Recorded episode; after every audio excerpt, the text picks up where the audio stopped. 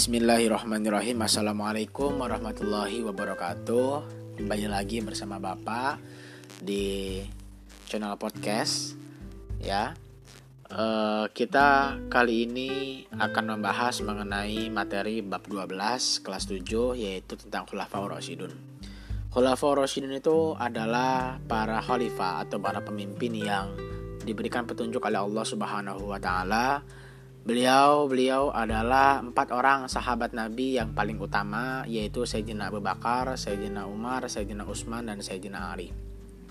Mengapa dinamakan Rasyidun? Karena pada masa pemerintahan empat khalifah ini umat Islam banyak mengalami perkembangan yang luar biasa, kemudian banyak mengalami kemajuan dalam bidang ilmu pengetahuan dan juga wilayah-wilayah yang ditaklukkan oleh orang-orang Islam semakin banyak.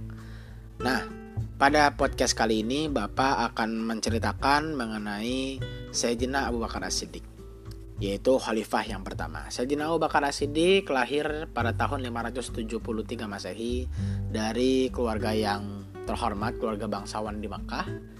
Dan Abu Bakar As-Siddiq termasuk salah satu sahabat Nabi yang kaya raya. Nama aslinya adalah Abdullah ibnu Abi Kuhafah. Nah, ia mendapatkan gelar As-Siddiq setelah masuk Islam. Gelar asidik artinya adalah orang yang benar.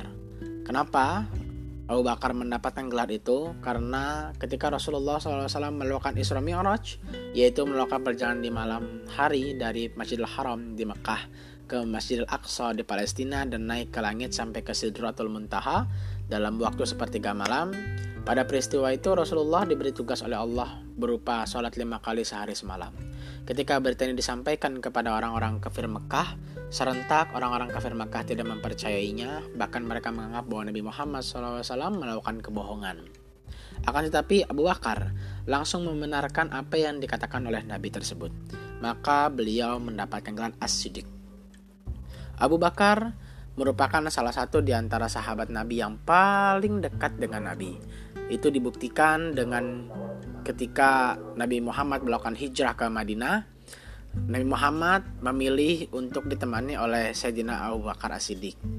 Dan Sayyidina Abu Bakar As-Siddiq sangatlah setia kepada Nabi. Beliau mengorbankan harta dan bahkan nyawanya untuk perjuangan Islam bersama Rasulullah SAW. Maka tidak heran ketika Rasulullah SAW wafat, para sahabat semuanya sepakat untuk memilih Abu Bakar As-Siddiq menjadi pengganti Rasulullah SAW menjadi pemimpin di Madinah dan juga menjadi pemimpin agama. Abu Bakar As-Siddiq termasuk as-sabiqun al-awwalun yaitu orang-orang yang pertama kali masuk Islam. Ketika ia masuk Islam, seluruh harta dan jiwanya dikorbankan untuk membela agama Islam yang pada saat itu masih belum berkembang cukup pesat. Abu Bakar As-Siddiq selalu dicaci maki oleh musuh-musuhnya karena ia mengikuti agama Islam. Akan tetapi Abu Bakar selalu mengikuti Rasulullah ke mana pun Rasulullah pergi. Dan yang istimewanya dari Abu Bakar As-Siddiq adalah Abu Bakar ini tidak pernah di walaupun dia dicaci maki tidak pernah disakiti oleh para kaum kafir Quraisy karena kedudukannya yang tinggi di masyarakat eh, Makkah pada saat itu. Abu Bakar As-Siddiq memberikan contoh yang baik selalu mengorbankan jiwa dan raganya hanya untuk kejayaan Islam. Ia juga patuh pada ajaran agama Islam tentu saja. Ya, pada masa Abu Bakar As-Siddiq menjadi khalifah uh, terjadi sebuah uh, peristiwa ya. Jadi kalau kita lihat dari sisi sejarah pada saat Rasulullah Wasallam itu di akhir-akhir masa hidupnya kemenangan sudah di tangan Rasulullah maka sudah dikuasai oleh umat Islam daerah-daerah di Jazirah Arab yaitu Arab-Arab yang uh, di pinggir ya bukan di Makkah kalau kamu lihat di peta jadi uh, apa Arab-Arab yang kampung-kampung ya atau negeri-negeri Arab yang lain itu sudah banyak yang takluk kepada Islam, menyerahkan diri ke keselamatannya, keamanannya kepada Rasulullah dan membuat perjanjian perdamaian. Mereka masuk Islam, mereka berjanji akan membantu Rasul, mereka berjanji akan setia kepada Rasulullah. Akan tetapi pada tatkala mereka mengetahui bahwa Rasulullah Shallallahu Alaihi Wasallam itu sudah wafat, mereka mengingkari perjanjian itu dengan uh, alasan bahwa kami hanya berjanji kepada Rasul, bukan kepada Islam, sehingga kami tidak berjanji kepada Abu Bakar As-Siddiq, sehingga mereka banyak melepaskan diri dari Islam dan melepaskan diri dari wilayah-wilayah uh, Islam. Jadi mereka mendeklarasikan berdiri sendiri, tidak termasuk ke dalam wilayah Islam. Nah, mereka ini juga karena mereka menolak uh, apa sumpah setia kepada Abu Bakar As-Siddiq, mereka juga enggan membayar zakat kepada Abu Bakar As-Siddiq. Nah, maka oleh oleh Sayyidina Abu Bakar As-Siddiq mereka itu dihukumi sebagai orang-orang yang murtad, orang-orang yang tadinya Islam kemudian keluar dari Islam, mereka juga enggan membayar zakat sehingga oleh Sayyidina Abu Bakar As-Siddiq mereka diperangi sampai mereka mau masuk ke Islam kembali dan mereka mau membayar zakat kembali. Nah, jadi program yang terkenal dari masa Abu Bakar As-Siddiq yang pertama adalah memerangi orang-orang yang keluar dari Islam dengan catatan keluar dari Islamnya adalah karena faktor tadi. Lebih ke faktor politik sebetulnya, mereka enggan berada di bawah kepemimpinan Sayyidina Abu Bakar. Mereka hanya mau berada di kepemimpinan Rasulullah karena mereka sekedar takut kepada Rasulullah. Bukan mereka e, dalam tanda kutip imannya sempurna kepada Rasulullah, tapi mereka hanya takut uh, akan kekuatan Islam pada saat itu. Makanya mereka setelah Rasulullah uh, wafat mereka merasa aman kemudian mereka keluar lagi maka murtad. Itu ya.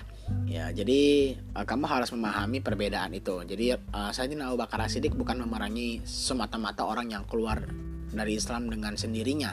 Begitu. Karena memang la ikroha tidak ada paksaan dalam agama tapi dalam hal ini uh, bukan karena dipaksa beragama Islam tapi karena mereka membelot kepada pemerintahan yang sah dihukumi sebagai orang yang keluar dari Islam dan dihukumi murtad. Nah, yang kedua adalah memerangi orang-orang yang enggan membayar zakat karena konsekuensi mereka itu tadi, maka mereka enggan membayar zakat. Dan yang ketiga adalah memerangi orang-orang yang mengaku nabi, nabi palsu. Salah satu di antaranya adalah namanya Musailamah al-Kazzab. Musailam al-Kazab mengaku sebagai nabi palsu yang meneruskan ajaran Nabi Muhammad padahal Nabi Muhammad sendiri adalah khotamun nabiyyin penutup para nabi.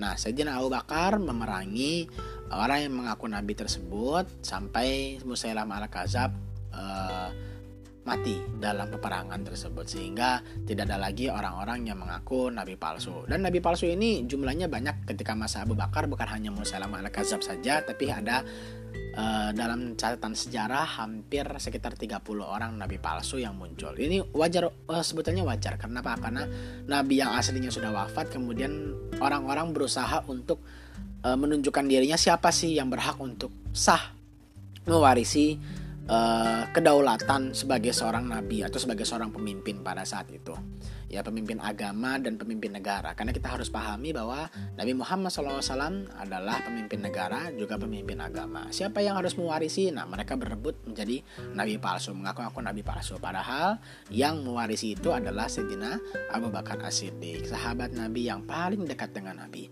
Dan Abu Bakar As-Siddiq juga merupakan salah satu sahabat nabi yang dijamin masuk surga oleh Nabi SAW dan mendapatkan kedudukan paling tinggi ya jadi Sayyidina Abu Bakar adalah orang yang nomor satu di antara para sahabat. Sementara para sahabat sendiri adalah orang-orang terbaik di antara seluruh umat manusia yang pernah hidup setelah zaman para sahabat. Artinya Sayyidina Abu Bakar As-Siddiq itu adalah uh, sahabat Rasul yang paling paling paling dekat dengan Rasulullah dan paling utama di sisi Rasulullah Shallallahu Alaihi Wasallam. Demikian uh, penjelasan Bapak mengenai Sayyidina Abu Bakar As-Siddiq. Kita akan lanjutkan mengenai penjelasan Sayyidina Umar bin Khattab pada podcast selanjutnya.